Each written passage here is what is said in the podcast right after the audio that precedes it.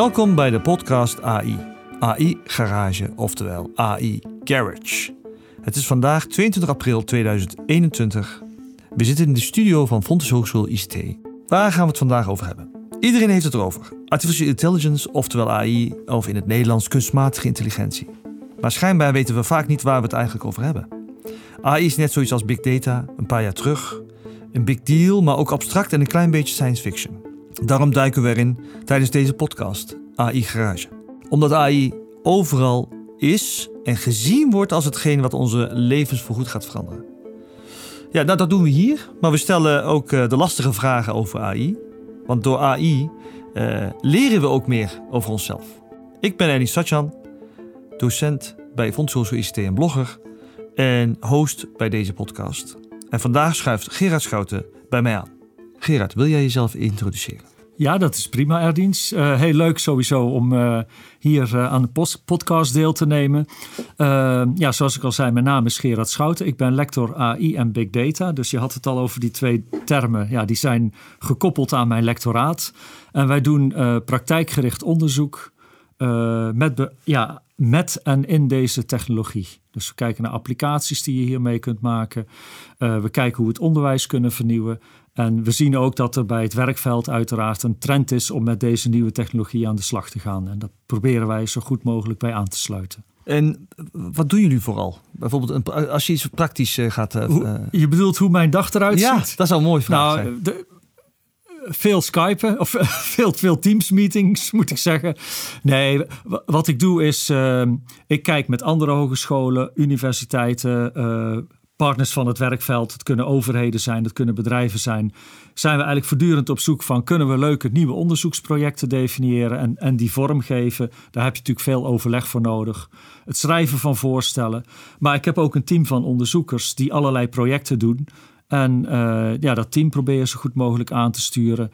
Ik ben ook heel nauw betrokken bij het uh, onderwijs. We hebben de afgelopen jaren bij Fontes Hogeschool ICT bijvoorbeeld rondom AI verschillende semesters nieuwe semesters gebouwd. Die worden nu uitgevoerd. Dus daar leren we ook weer heel veel van. Dus ja, eigenlijk een beetje een spin in het web. Onderzoek en onderwijs, vernieuwing. Uh, ja, dat gaat bij mij een beetje hand in hand.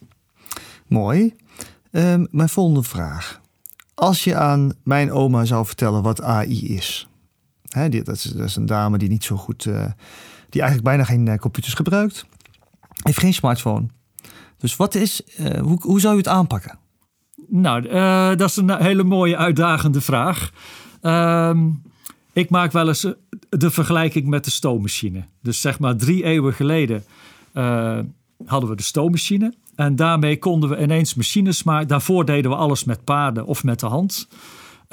Maar die, dat, die stoommachine die, heeft ons eigenlijk onze spierkracht een beetje vervangen. En ook zelfs overtroffen.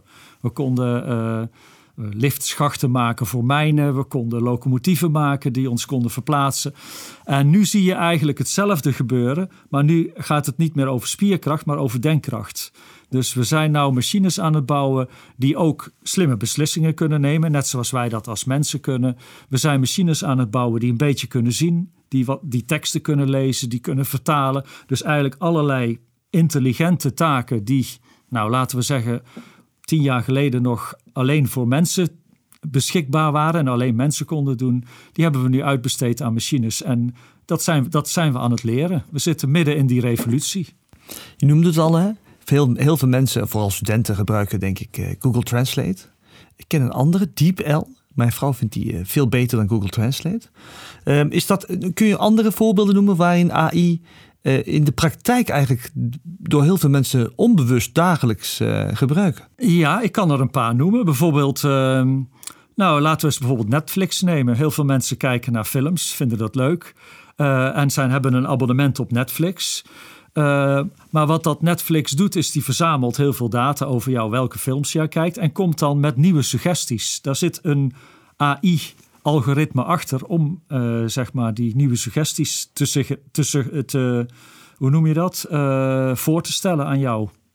Dat is één voorbeeld, maar zo zijn er meerdere natuurlijk, ja. Als we kijken naar, de, heel veel mensen hebben ook bijvoorbeeld bepaalde angsten. Als ze, het is een beetje science fiction ook, hè? AI. Het is een beetje voor veel mensen ver van een bedshow. Ehm, wat zijn de, nou ja, hoe moet ik zeggen, wat zijn de gevaren wat veel mensen denken eh, dat AI kan brengen?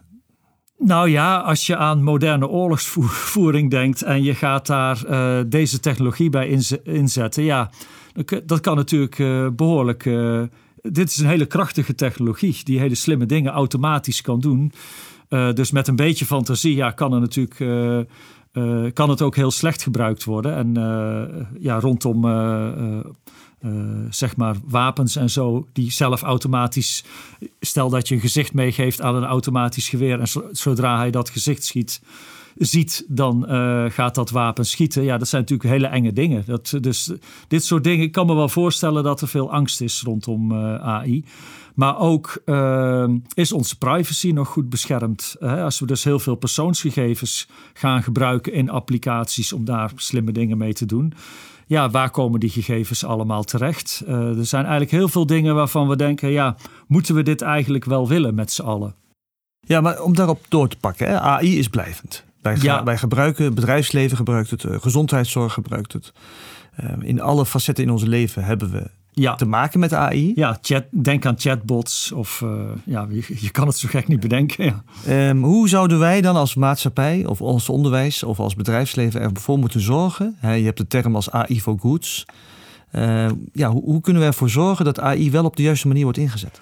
Ja, eventjes over de term AI for goods. Yes. Um, wat daar vaak mee bedoeld wordt, is van je kan AI ook inzetten om de gezondheidszorg beter te maken. Dus bijvoorbeeld die slimme algoritmes gebruiken om uit beelden heel snel en betrouwbaar uh, kankercellen te detecteren. Dus dat is een AI for good example. Voorbeeld, sorry.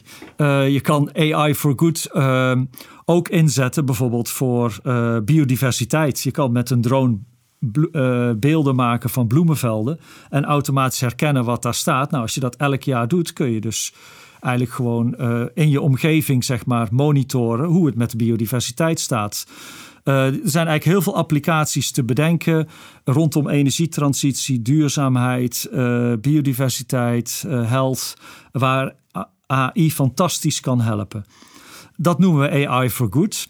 En het ethiek stukje heeft eigenlijk meer betrekking als je applicaties maakt met AI. En er zijn menselijke waardes in het geding of uh, worden bedreigd of de, uh, er wordt niet zorgvuldig mee omgegaan. Of je maakt, je kan AI ook gebruiken om fake nieuws, uh, deepfakes te maken. Dat zijn eigenlijk video's waarbij je iemand de mond van iemand kunt laten bewegen en iemand iets kunt laten zeggen wat hij helemaal niet gezegd heeft. Maar dat kun je gewoon uh, manipuleren als het ware. Mensen vertrouwen op andere mensen. Dus dan grijp je eigenlijk heel diep in op het, op, op het, uh, op het vertrouwen van iemand. Uh, daar moet je heel zorgvuldig mee omgaan. En omdat die technologie nog zo nieuw is, kennen we de spelregels niet zo goed. Er stond trouwens vanmorgen wel een heel leuk stukje in de krant dat uh, we weten allemaal dat de maatschappij in China heel gecontroleerd is en dat de overheid daar heel veel macht heeft en heel veel data verzamelt en daar ook beslissingen meemaakt. Hier in Europa stond er echt een stuk in de krant: wij willen eigenlijk specialist worden in Europa op AI met een menselijk karakter. Dus dat wordt uh, gezien als een kernwaarde. En we willen dus ook ethiek en wetgeving daarop aanpassen. En er is ook een soort voorstel van een soort ethiekpyramide. Uh, bijvoorbeeld die recommendation engines, zoals ze dan met een mooie Engelse term heten, maar zeg maar die aanbevelingen doet op, op een website, zoals bol.com of bij Netflix, waar ik het net over had. Dat kan nou niet zo heel veel schade berokkenen. Maar als je het hebt over die deepfakes, dat kan al veel meer schade berokkenen. En zo willen ze eigenlijk een soort piramide maken. Als jij via een website met iemand praat, dan wil je eigenlijk wel weten: praat ik nou eigenlijk met een chatbot of heb ik met een mens aan de andere kant te maken? dus daar willen ze toch wel wat regels en wat meer ethiek, uh, een ethiek framework op loslaten om dat wat te reguleren. Mooi. Hè, over die bots, hè? We, we, springen natuurlijk van, ja. uh, van de hak op de tak, maar er zijn ergens, uh, AI wordt over alle facetten in ons leven wel uh, ja, uh, over nagedacht en er wordt ingezet. Uh, als je kijkt naar bots, Ehm, er zijn ook boeken en films over verschenen. Ik zou het heel fijn vinden om een uh, persoonlijk assistent te hebben die Ja. me eh, direct eh, kan adviseren welke eten of welk recept of eh, wat voor films er zijn. Het duurt nu bijvoorbeeld een half uur voordat ik een juiste film kan vinden. Ook al is die algoritme best wel oké van Ja. eh, Netflix of HBO. Misschien heb je al heel veel gezien. Dat zal het wel zijn. Ehm, dus de, mijn vraag is, ehm, hoe zie jij dat? Gaat het ons leven makkelijker maken? Het kan wel heel veel. De vraag is of je ons leven altijd makkelijker moet maken. Dus ik, ik, eh, misschien, worden we daar, misschien worden we daar ook wel heel lui van. Ik heb nou bijvoorbeeld, ik zal eens een voorbeeld geven. Ik heb nou een afstudeerder. Die is aan het werk bij InfoSupport. Dat is een softwarebedrijf. En die heeft daar de opdracht gek- gekregen. Kan ik niet een softwareapplicatie maken waarmee ik met een smartphone een foto maak van wat er in de koelkast staat. En dan herkent hij alle ingrediënten die hij ziet. En dan geeft hij mij een, eh, een, eh, een recept of een, of een paar recepten. En met eh, zeg maar instructies hoe ik dat moet koken.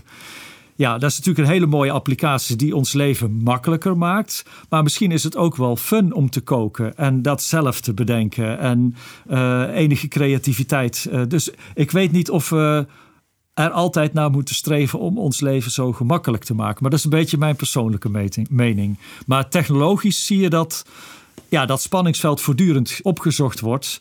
En eh, ja, heel veel mensen hebben het natuurlijk ook heel druk. Dus die hebben soms wel zin om in het weekend uitgebreid te koken in dit geval. Maar ja, misschien denken ze ook soms van ja, ik heb dadelijk weer een call. Of ik moet vanavond eigenlijk gaan sporten.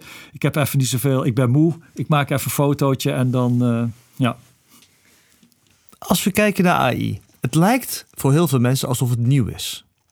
Maar volgens mij bestaat het al heel lang. Ja, En de meest bekende voorbeeld van AI voor de eh, overgrote meerderheid is de winst van een computer tegen Kasparov. ja. Eh, is het daarmee begonnen of was het al eerder? Nou, het is eigenlijk met Alan eh, Turing. Dat is een eh, wetenschapper die eh, zeg maar met de eerste computers bezig was. Vlak na de Tweede Wereldoorlog. Die heeft de term al gelanceerd. Die had al in de gaten: hey, we kunnen computers met programma's allerlei instructies laten uitvoeren en ook beslissingen, beslissingen laten maken. Dus in de jaren 50 van de vorige eeuw is die term artificial intelligence al eh, opgekomen. En in de jaren 90 eigenlijk, eh, toen werd altijd gedacht, ja, maar schaken is zo'n ingewikkeld spel. Daar heb je intuïties voor nodig. En een grootmeester verslaan, ja, dat, dat gaat ons niet lukken. En die challenge is dus ook door computerbedrijven zoals IBM en anderen opgepakt. En die dachten, ja, maar wat wij als wat wij met computers kunnen, is misschien eh, nog niet zoveel denkkracht, maar we kunnen wel heel veel combinaties heel snel uitrekenen en doorrekenen. En die hebben toen eigenlijk laten zien dat het beste schaakprogramma, toen voor de eerste keer, ook een grootmeester kon verslaan. Dus ja, daar, zo is het wel begonnen. Als we kijken nu naar eh, een, documentaire op, eh, op Netflix weer, Social Dilemma, hè, over gedragsmanipulatie.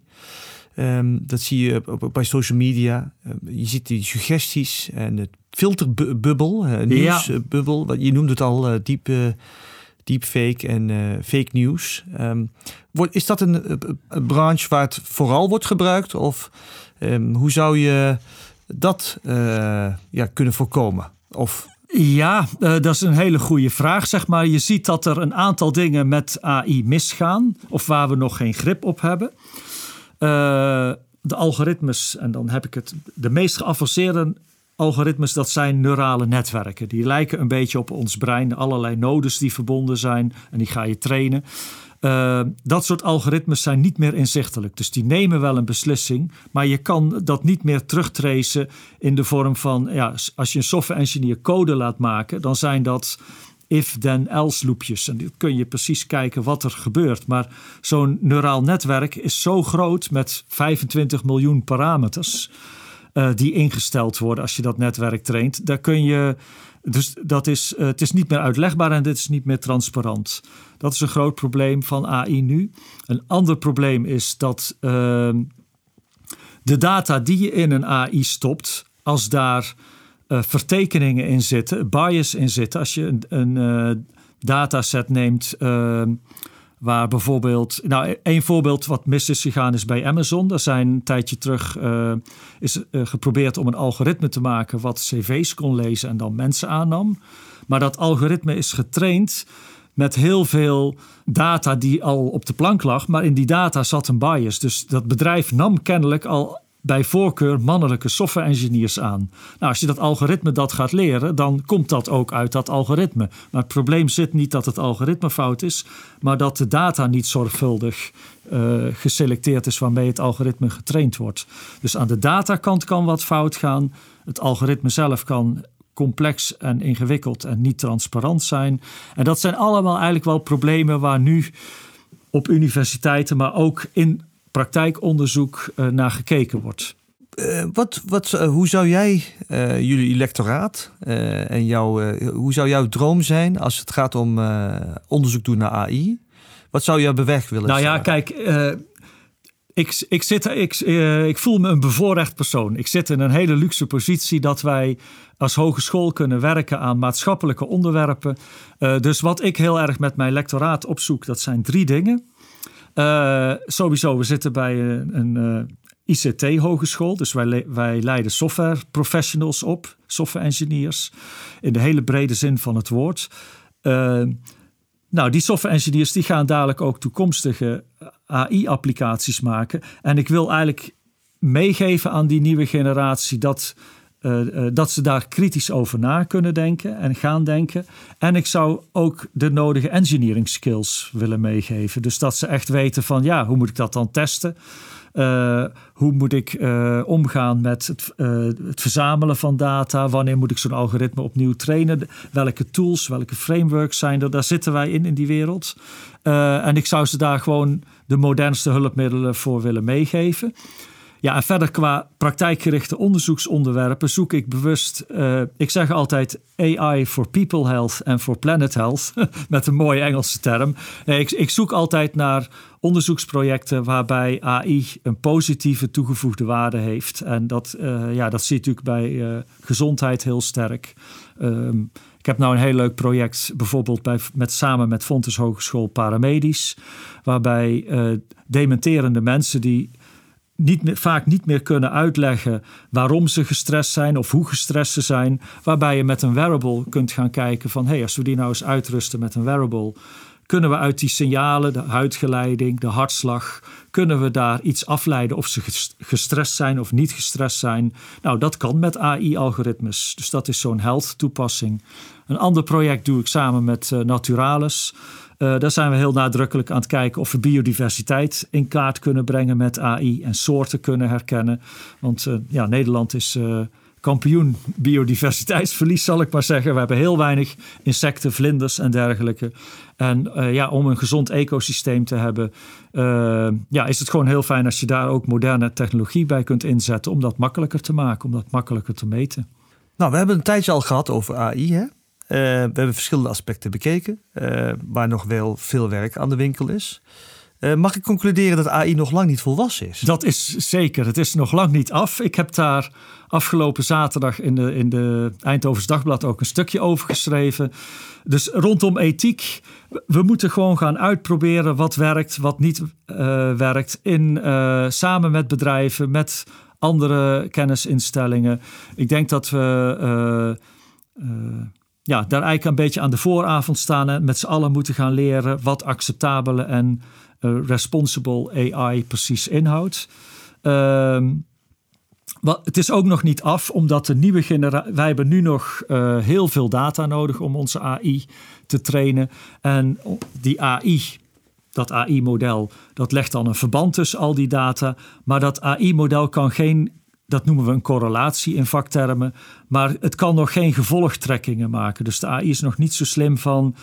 Oh, dit was de oorzaak en dit is het gevolg. En dat, dat heb ik geleerd. En dus, dat zie ik in andere situaties. Zie ik ook die oorzaak-gevolgrelatie terugkomen. Voorbeeldje. Uh, zelfrijdende auto's. Er zit een algoritme in wat objecten kan herkennen dus bijvoorbeeld andere weggebruikers of voetgangers of uh, huizen die naast de weg staan. Um, en wat we kunnen doen is zo'n die beelden worden heel snel verwerkt. We kunnen die, die zelfrijdende auto wel leren van oké, ik kom nou heel dicht bij een auto die voor mij rijdt, dus ik moet afremmen of ik moet uh, uitwijken of wat dan ook. Maar we kunnen het, het AI-algoritme zal nooit bedenken, ik zie een bal de weg op, rij, op rollen. Uh, wacht eens eventjes, een bal, dat betekent misschien wel spelende kinderen. Die zie ik nog niet, maar die zouden wel achter dat volgende huis de weg op kunnen schieten. Laat ik maar alvast, anticiperend op deze situatie, afremmen. Dat soort dingen. Dus de echte slimme AI die dat kan, die hebben we nog niet. En daar gaan we de komende jaren, ja, dat is dan met name het fundamenteel onderzoek. Daar zal nog heel veel uh, op dat vlak, denk ik, uh, gaan komen. Op een gegeven moment heb ik gelezen dat je zei dat er heel veel mensen iets snel AI noemen. Kun, ja. je, kun, je daar, ja, kun je dat wat uitweiden? Ja, als je nou kijkt, wat is nou eigenlijk, dus AI? Nou, als je dat letterlijk vertaalt, staat dat voor kunstmatige intelligentie. Intelligentie heeft met denkkracht van mensen te maken. Uh, en de formele definitie uh, van AI is vaak van. Daar staat vaak iets in. Ik, ik kan hem niet helemaal uit mijn hoofd, maar er staat vaak iets in. Machines die gedrag vertonen waarmee ze intelligent gedrag van mensen kunnen nadoen dus lees daar beslissingen nemen, uh, lezen, vertalen. Nou, oorspronkelijk was AI heel sterk aan menselijke intelligentie gekoppeld en kunnen we programma's maken die dat kunnen nadoen. En die draaien dan, computers zijn ook machines. Uh, als je nu kijkt wat AI genoemd wordt, alles wat data verwerkt, of het nou te maken, hè, dat hoeft soms helemaal niet met uh, lezen, zien, uh, of dat soort dingen te maken. Maar alles wat heel veel data verwerkt, wordt gewoon al AI genoemd. Dus dat is een hele. het is een beetje overlodend term geweest. En eigenlijk alles wat met al, waar algoritmes bij eh, komen kijken en waar data bij komt kijken, wordt tegenwoordig AI genoemd. En ja, vroeger werd dat big data genoemd, maar nu, nu is AI een beetje de hype-term. Ik wil een concreet voorbeeld gebruiken, die volgens mij heel veel mensen kennen bij het aankopen van een product of het uh, uh, inschrijven voor een nieuwsbrief. Dan staat er meestal van: klik waar uh, je bruggen ziet, of klik de, de, bussen aan, of klik waar je stoplichten ziet. Ja. Klopt het dat dat een trainingsmodule is voor AI. Dat, dat, dus, dat daar iets mee gebeurt. Ik weet niet welke bedrijf dat doet. Maar dat we dan eigenlijk het bedrijf helpen of eh, de onderzoekers helpen om te trainen. Het ik heb deze nog niet gehoord, maar uh, wat ze willen testen met dit soort dingen is of jij echt een mens bent. Dus uh, ik kan me voor. En, en uh, die plaatjes zijn vaak een beetje vaag. vaag. En dan moet je wel even goed kijken tussen je oogharen doorkijken van zie ik die brug nou echt of dat stoplicht? um, dus ze willen eigenlijk. Uh, het wordt vaak gebruikt om bij een programma binnen te komen. Uh, en om te checken of jij echt wel een mens bent en geen bot. Maar ja, ik kan me zo voorstellen dat jouw antwoorden verzameld worden en dat van duizenden andere mensen en dat je die vage plaatjes ook aan dat algoritme geeft samen met die antwoorden. En daarmee heeft de computer duizenden of miljoenen voorbeelden, net hoeveel mensen dat doen. En daarmee kun je een neuraal netwerk trainen. Uh, om dat ook te kunnen. Dus dat, dit soort taken zijn dus kraakbaar door een AI. Dat is uh, op zich uh, ja, te doen. um, en dat, ja, als het te doen is, dan zal het ook wel gebeuren. Ja. ik heb ooit een film gekeken, Her. Ja. Waar een acteur verliefd werd op een ja, artificial intelligence persoonlijkheid. Um, hoe, hoe, ja, hoe zie jij dat? Zie ja, dat is voor mij, voor, voor, mij als onderzoeker ook een beetje vaag terrein. hoe zie ik dat? Uh, ja, dat zou zomaar kunnen gebeuren. Als die natuurlijk heel menselijk gedrag vertoont. Ja, je wordt. Waar word je verliefd op? Ja, dat is toch een beetje. Ja, ja iets dat is toch een beetje magie, hè? Dat, uh, ja. Waar we nu naartoe gaan, is dat ze ook proberen, het heeft iets moois natuurlijk, maar het heeft ook iets uh, ja, discutabels, dat ze proberen overleden mensen met AI tot leven te wekken. Zodat ja, familielid eigenlijk nog steeds met hem of haar kan communiceren. Um, is, ja, hoe, ja, ik ga hetzelfde vraag weer stellen, maar hoe zie, hoe zie je die ontwikkeling? Dat er ook steeds meer emotie probeert uh, in, in de AI te stoppen. Ja, ik, ik denk dat AI dat nog niet echt aan kan hoor. Uh, wat je wel ziet is rondom gezichtsherkenning en het herkennen van emoties in gezichten. Ehm, dat AI daar een heel st stap aan het zetten is om dat te kunnen duiden, laat ik het zo zeggen. Dat die AI zo slim aan het worden is dat ze aan jouw gezicht van alles kunnen zien. Maar emotie herkennen. emotie herkennen, ja. De, uh, maar als jij met een AI interactie hebt en uh, die AI, uh, ja, dan ga je volgens mij al heel snel merken dat, ja, dat je op verschillende levels zit. Als je, dus er moet echt vertrouwen ook tussen zoals er vertrouwen tussen mensen ontstaat. En dat ontstaat ook doordat je fouten maakt en dat je ja, menselijk bent. Een AI die dat die dat kan, uh, goed de interactie met mensen aangaan, dat zie ik nog niet gebeuren. Ik denk dat het dan nog, uh, de technologie nog niet zo ver is. Wat is nu de grote uitdaging? Je hebt het misschien wel wat uh, verteld, maar wat is nu de grote uitdaging voor AI? Hoe komen we op het volgende level, waarbij je dus wel bepaalde dingen kan doen met ja, AI? Nou, ik denk dat onze huidige AI is heel erg hongerig naar data. We moeten heel veel data erin stoppen en heel veel trainen. Uh, ik denk dat de toekomstige AI, uh, dat daar een. Dat die minder data nodig heeft en dat die als het ware, net zoals wij als mensen dat doen, een soort model opbouwen van hoe de wereld in elkaar zit. En dat kunnen, zoals kinderen dat eigenlijk leren, door al spelenderwijs. En dat leren wij ook doordat wij kunnen bewegen, maar wij leren bijvoorbeeld dat één object niet door het andere heen kan. Nou, een, een AI nu die objecten herkent in beelden, ja, die leert dat soort achterliggende basisregels niet. Die leert uh, alleen maar uh, plaatjes herkennen, maar niet uh, van wat verandert er nou in de wereld en, en, hoe, en dat model opbouwen en wat komt nu eerst en wat komt nou daarna. dus ik denk dat ehm, het opbouwen van zo'n wereldmodel, het kunnen omgaan en kunnen leren met heel weinig data, dat dat echt wel stappen zijn voor de volgende generatie AI, maar die we nu nog niet kunnen. Ja, dat kan nu nog niet.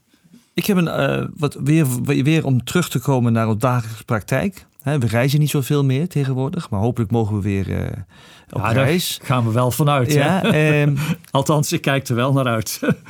vliegtuigen. Ehm, dat is een eh, beroemde vraag. Hè? Zou je eh, in een vliegtuig gaan zitten die bestuurd wordt door ja, robots of artificial intelligence? Of, uh... Ik? Nee, maar als algemeen wordt dat die, die vraag wel gesteld. Jij zegt, jij, wil dat, jij zou dat doen? Ja hoor. Ja, ik wil ook best uh, behandeld worden uh, als ik ziek ben.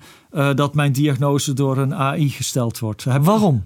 Ik heb daar, gewoon, ik heb daar wel vertrouwen. Een mens is faal, faal of uh, faalbaar. eh, AI ook. Maar ik denk dat AI standaard taken, dus het checken van beelden en diagnoses doen, het landen van een vliegtuig in allerlei weersomstandigheden, dat ze dat beter kunnen dan mensen. En dat mensen heel goed zijn om in die duizenden situaties, die situatie die net iets anders is, te herkennen. Uh, dus je hebt idealiter zowel mens als AI nodig. AI voor de ja, duizenden standaard situaties. En uh, de mens net voor die uitzonderingssituatie om dan verstandig te kunnen handelen. Maar over het algemeen denk ik van vertrouw ik de AI wel. ja. misschien, misschien, een mooie afsluiting ook. Ja. Hè? dus concluderend zeg je eigenlijk AI is uh, nog steeds, ook al bestaat het uit al heel lang, uh, nog niet uh, volwassen genoeg.